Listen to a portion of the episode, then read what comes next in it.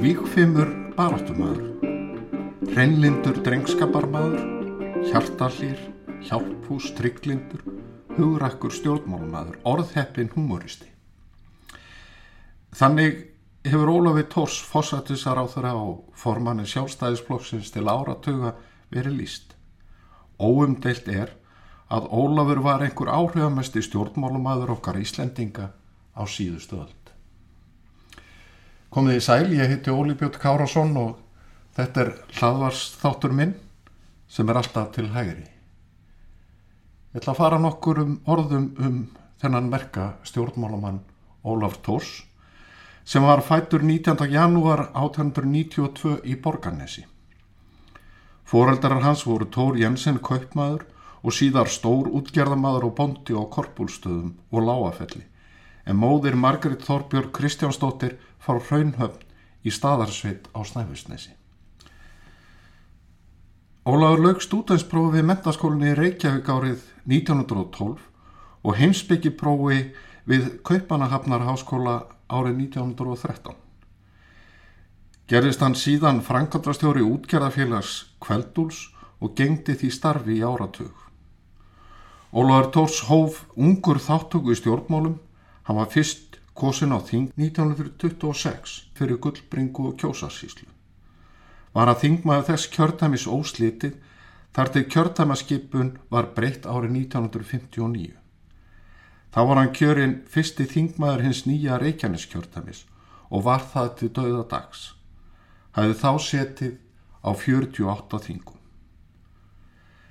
Ólöður var fyrsta ráð þeirra í ráðunetti Áskis Áskissonar árið 1932 gengdi hann þá störfum dómsmálaráð þeirra þegar Magnús Guðmundsson vek tímabundi til hliðar í miklum pólitískum átökum.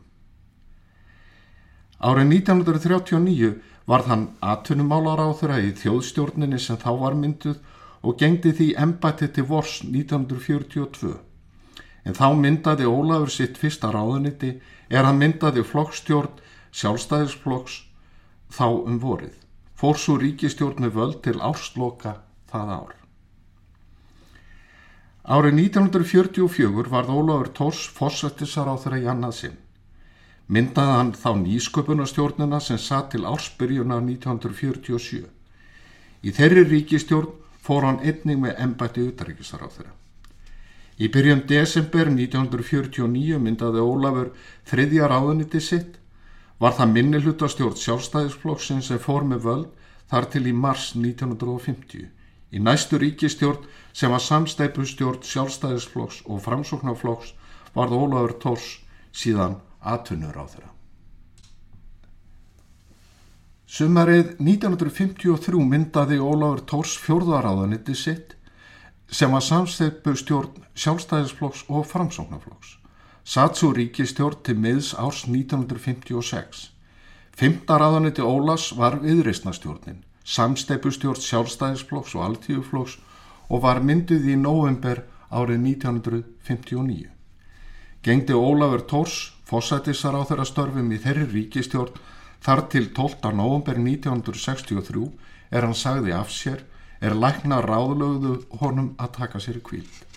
Bjarni Binditsson tók við sem fósættisar á þeirra. Ólaur var því fósættisar á þeirra í fimm ríkistjórnum. Formaður sjálfstæðisflokksins var hann frá árinu 1934 til 1961 en þá sagði hann af sér formensku í flokknum. Ólaur Tórs kvæntist árið 1915 Ingi Björgu Indriðadóttur Einarssonar Skalds og kona hans mörtu Maríu Guðjónsson áttu þau fimm börn. Ólaður fjall frá á gamlarstag árið 1964.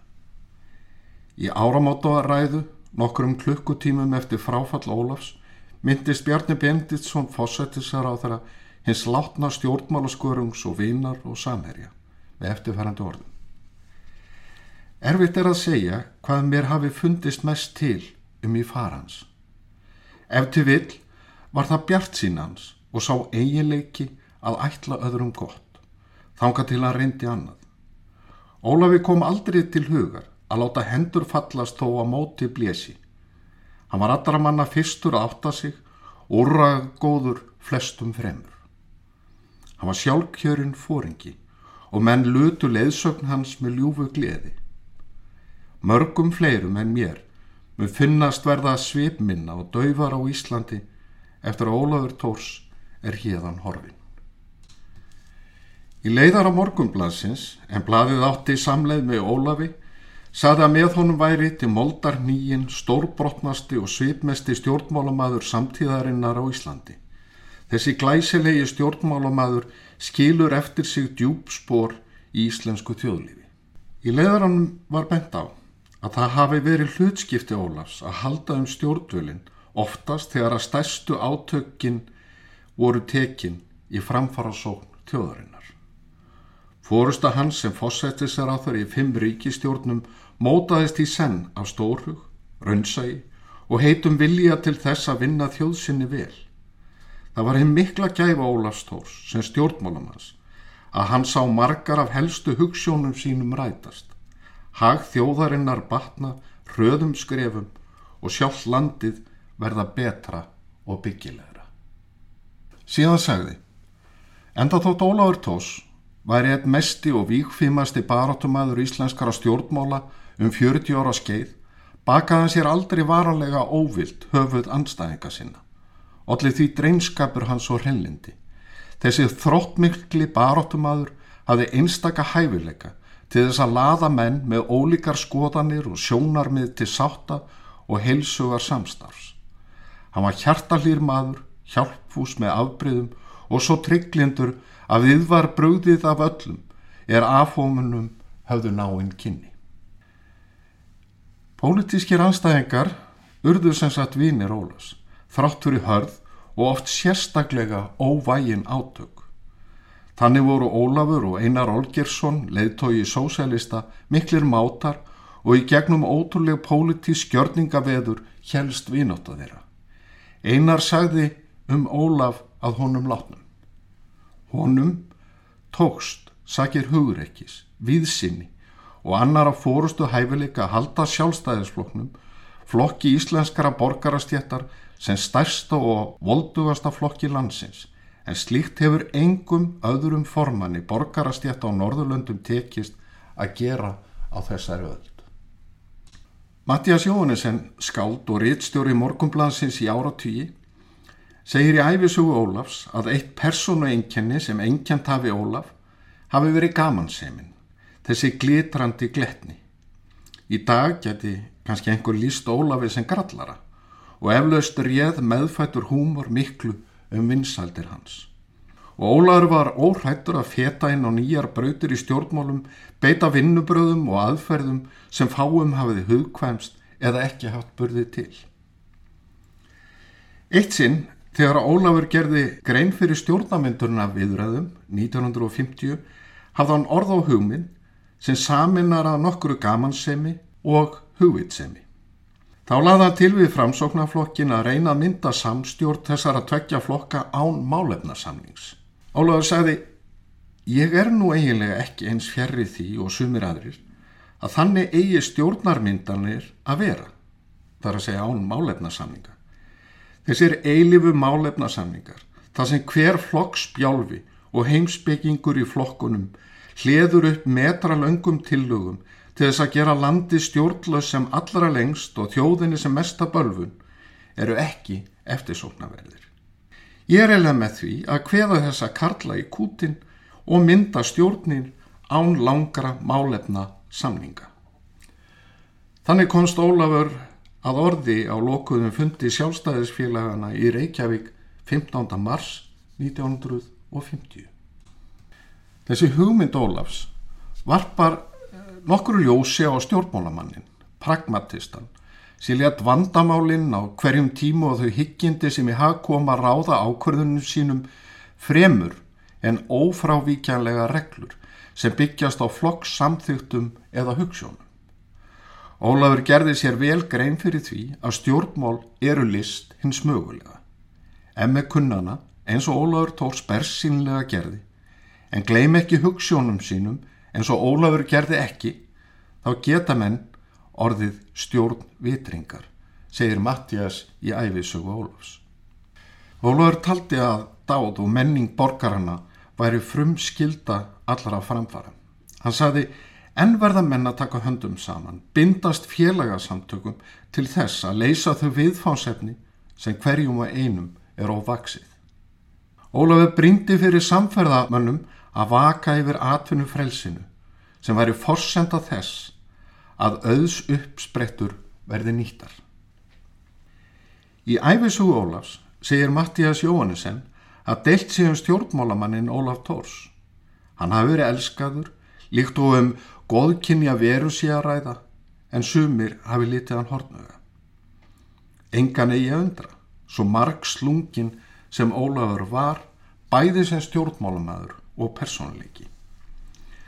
Hann átti rætur í heimi rómatískrar sjálfstæðisbaróttu, mótaðist endalega sem stjórnmálamæður í harla fjarlægun tíma eftir fyrri heimsturjöld og háði mestu baróttu sína á rústum kreppuárana, þegar peningar voru eins sjálfsíðir og þeir eru nú lítil svirði.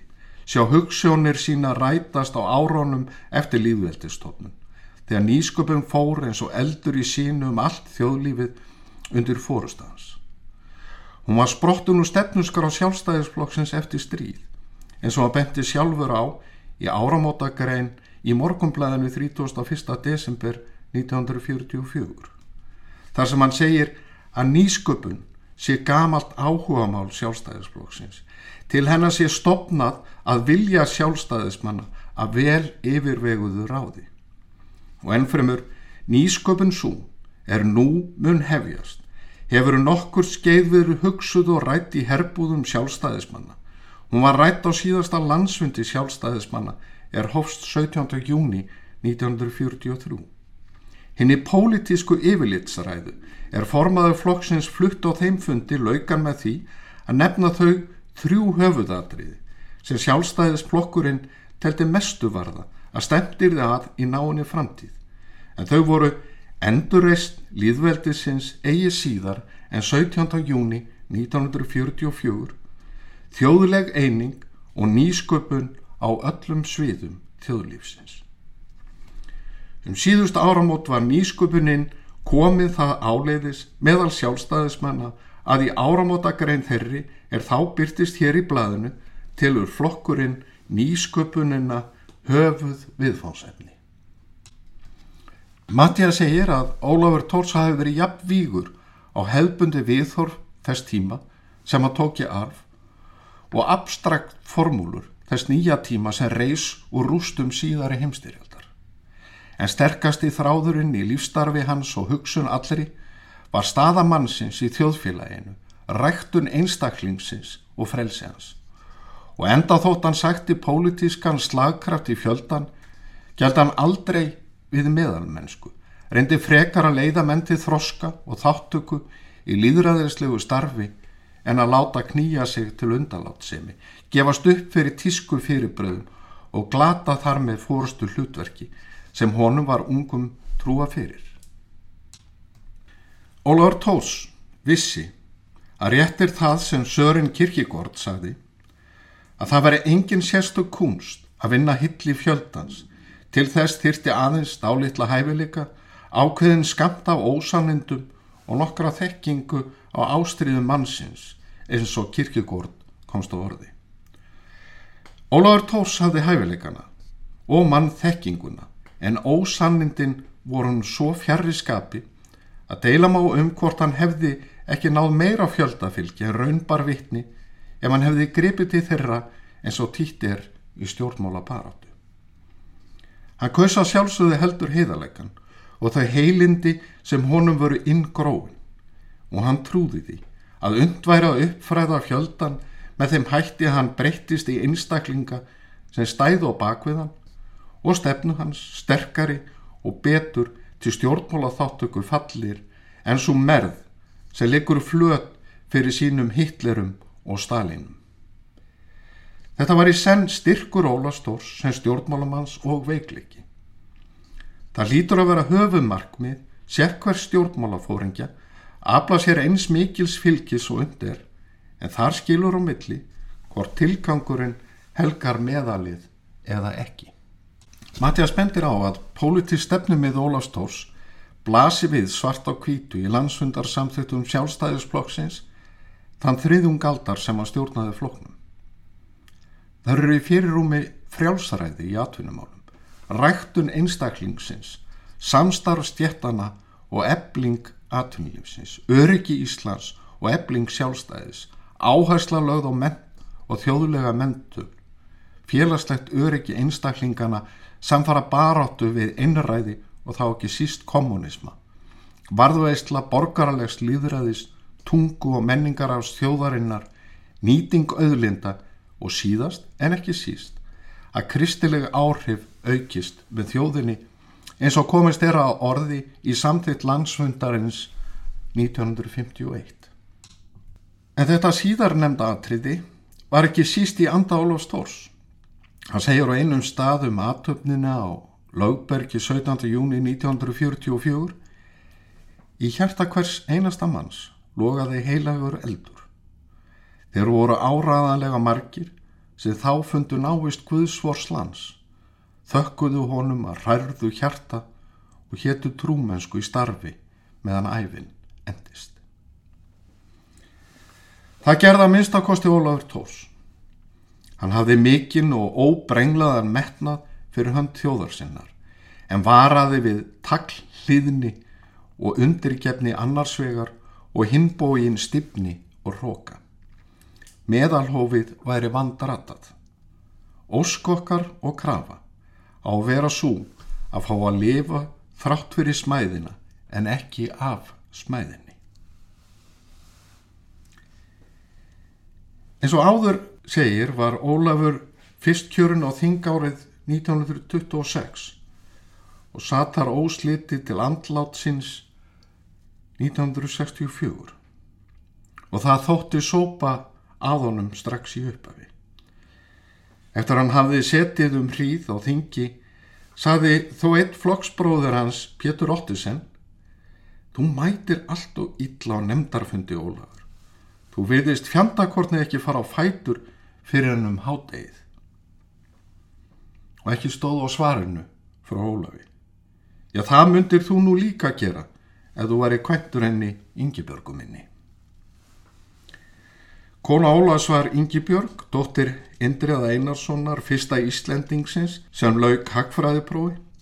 Indrið var hins vegar þekktari fyrir leiklist og var höfundur nokkur að þekktara leikrita eins og nýjósnótt og dansinn í hruna. Jónas Jónsson frá Hriblu saði eitt sinn Það er einkenleg tilviljun að hinn kunni hugssjónamaður íslenskara leikmentar, Indriði Einarsson, skildi hafa átt að tengdasónum tvo mestu leikara á Íslandi, þá Jens Vóge og Ólaf Tórs. Voru 1958 sátu Ólafur og Hannibal Valdimársson á samt fleiru mönnum á kaffistofu alþingis. Útvarp var þær í gangi en leikin voru óskalu sjúklinga. Ólafur raulaði undir einu þeirra og þá saði Hannibal er nú strandkaftetinn farin að syngja.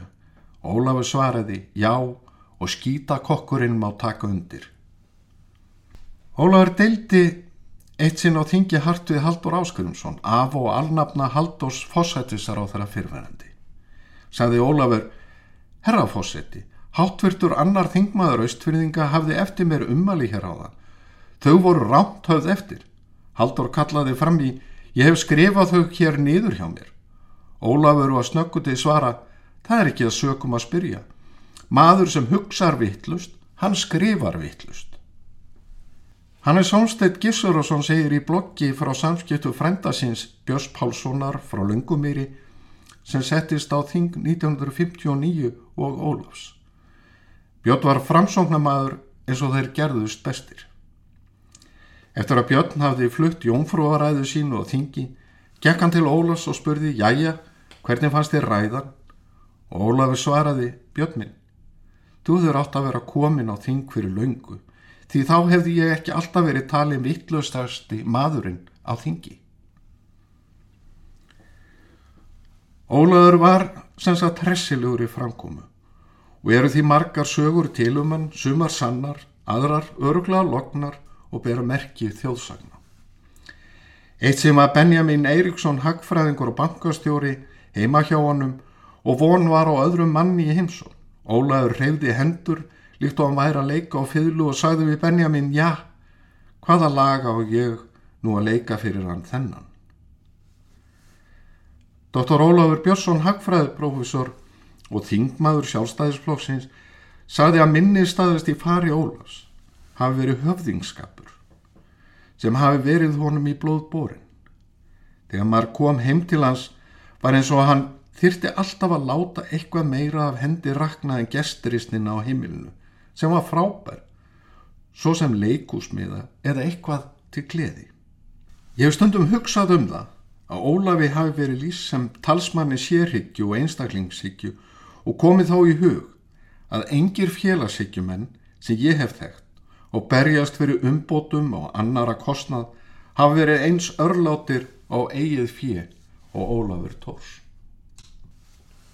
Einu sinni sem ofta voru Ólafur Björnsson og Benjamin Eriksson heima hjá Ólafi Tórs og ringdi þá Helgi Tómasson yfirleiknir á Kleppi og heyrðu þeir á samtalenu að Ólafur var að falast eftir plásu og kleppi fyrir einhvern í kjördæmi hans og fjekk það.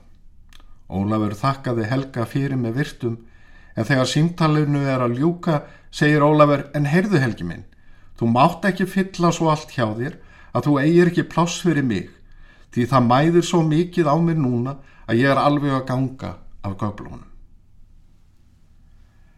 En þráttur allan garlaraskap var Ólafur alvöru kemi maður lífsrendur, ráðuríkur og vandaður af virðingu sinni. Hann gaf dóttur, dóttur sinni gott ráð, ekki eigða æfinni í að sjá eftir eða kvíða fyrir. Mattias Bjarnarsson, ráður og þingmaður sjálfstæðisflokksins til áratuga, saði Mattias í jóhanni sinni sögu af Ólafi sem lýsir vel fyndni hans, orðfimi, að mun hafa verið árið 1937 sem Ólafur kom á fund í Altíuhúsun á Ísafjörði. Það voru kratar allsar áðandi en það Ísafjörður kallaður Rauðibærin. Þeir ákvaðu Ísfjörðingar að gera Ólafi gramt í geði og var gamal gróin og æstur krati fengið til að standa upp undir miðri ræðu Ólafs, veifa kilvu og kalla þetta er kilvan sem þú lés smíða til að berja á verkaliðinum í Reykjavík. Það var hátt upp á senuna í alþýðuhúsinu en Ólafur begði sér niður og segir Hyrðu vinnu minn, lofaði mér að sjá þessa kilvu. Kallinum fataðist í hlutverki sín og rétti Ólafi kilvuna. Ólafur horfur á kilvuna, handleikur hana vandlega, begið sig svo niður aftur, réttir kallinum og segir Gjörðu svo vel vinnu minn, þetta verður ekki á ykkur logið ísverðinga að þið eigið góða yðnaðamenn og svo hjælta ræðuna áfram. Mattiða segir að kallið með kilvuna hafi snúist í pólitík og orði sjálfstæðismæður á áranum 47-48. Var það jafn æstur sjálfstæðismæður og hann hafi verið ákafur krati, létt sitt ekki eftir likja en sótti fundi hjá sjálfstæðisbloknum á Ísafjörði. Sömur en 1952 kom Ólafur til fundar á Ísafjörði og Mattias fundastjóri. Ólafur hóf ræðu sinna á því að rifja fundi frá 1937 þegar gammalt krati hafi staðið, breytt sig kilvu og sagt að þetta veri kilvan sem hann hefði látið smíða til að berja á verkaliðnum í Reykjavík. Það fóru Mattias, en það satt Karlinn á fremsta bekk og nú harður sjálfstæðismæður. Mattias segir að hann hafi náða að klýpa í lærið á Ólafi sem hafi beitt sér niður og Mattias kvíslað ertu vittlausmæður. Þessi Karl er orðin sjálfstæðismæður og hann situr hér á fremsta bekk. Ólafur let á engu bera, heldur helt að ræðunni áfram ákveðnari en áður og segir en ég man alltaf eftir svipnum á þessum manni. Það var svo mikil heiðuríkja í svipnum. Það var svo hrett svipurinn að ég hugsaði þá í alþýjuhúsinu þessi maður á eftir að verða sjálfstæðismadur og þetta er einn af þeim fáumönnu sem ég þekki hér inni í salnum og situr hér á fremsta bekk. Þá stóð gamli maðurinn upp, hræður, gekk til Ólafs og þeir tókust innilega í hendur. Næri aldrei varð Ólafur orðalös og illa var hægt að slá hann út af læginu. Það kom þó fyrir. Tveir ungir menn komaða máli við Ólaf til að óska eftir liðsynni hans við að fá leifi til að rekka söluvagn á keflauguflugvilli. Ég skal aðtóa það svaraði Ólafur komið aftur eftir viku. Þeir félagar mættu að viku liðinni og Ólafur svaraði þeim án vapninga Nei, þið njótið ekki tröss. Það er anskoti illa talað um ykkur. Félagarnir virtu Ólaf fyrir sér aktofa og eftir þögn saði annar þeirra Haldið þér Ólafur að allir tali vel um yður. Þeir fengu vestlunarlefið og síðar saði Ólafur að þetta veri besta svar sem hann hefði fengið á samalögðum stjórnmálaferli sínum. Viðhorf Ólafs til starf stjórnmálamannsins kemur ágætlega fram í viðtali við dönsku bladakonuna Anne Voldin Rættinge sem byrtist í april 1961 í danska dagblæðinu Dagens Nýheður. Bladakonan sem skrifaði undir höfundanatnunu Nikka hefur greinlega heitlast af persónuleika Ólafs og segjar að heimurinn líti öðruðsi og betur út ef allir fossættisar á þeirra væri eins og Ólafur. Hún átti viðtali og skrifstofu fossættisar á þeirra og hún fekk ekki annað en kók eða appilsín. Brennivín get ég því miður ekki bóðið þér upp á. Allir vita nefnilega að ég myndi drekka það sjálfur. Eftir augna blik skrepp ég niður á þing og meðan verði þér að gegna fósættis ráþur ennbættinu. En þér skuli ekki dóttast, það er miklu, miklu auðveldara en þér haldið. Þegar bladakonan burði Ólaf að því hvernig leiðans hafi leigið í pólitíkjana svarar hann, það var örglega guðlega ákvörðun. Nei, annars, nú skulum við tala í alvöru. En satt að segja ger ég aldrei sjálfur neina tilurun til að vera alvarlegur. Þau mál sem ég fjallum eru nógu alvarleg. Er því ég vittlus ef ég ætti að leika páalhutverk öllum stundum?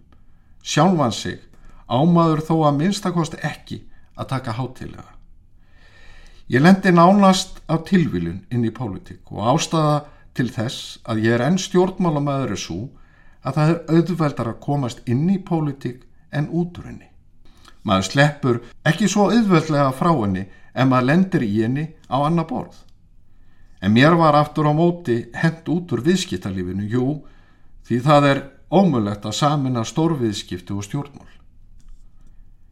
En hafið þér þá saknað viðskiptalífsins, spyr bladakonan. Nei, en ég vona svo sannanlega að það hefði saknað mín. En hvað fenguð þeir í staðin? Mart og mikið. Starf stjórnmálamannsins er fólkið í því að rétta fólki hjálparhönd. Að sjá um að döglugu fólki sé veitt tækifæri. Sjálfstæðisflokkurinn er flokkur allara stjætta og mjög velviljaður allri félagslögjöf.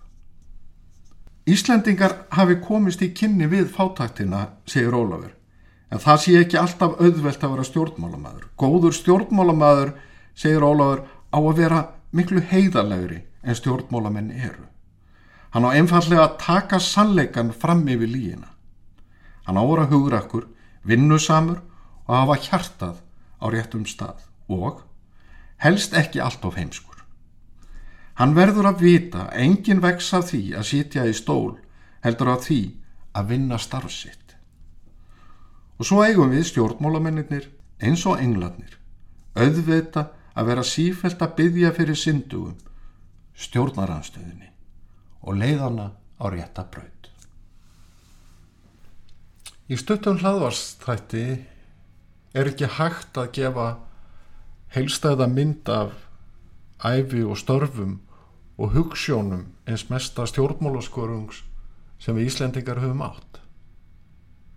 En kannski verður þátturinn til þess að kveikja áhuga á því að kynnast manninum Ólafi Tórs betur kynna sögu þjóðarinnar betur og ná dýbri skilningi á því úr hvaða jarðvegi hugssjónir sjálfstæðisflokksins eru sprotnar. Og þá er til nokkuð sunnið. Ég þakka þeim sem hlýtu, eigi góða stundir.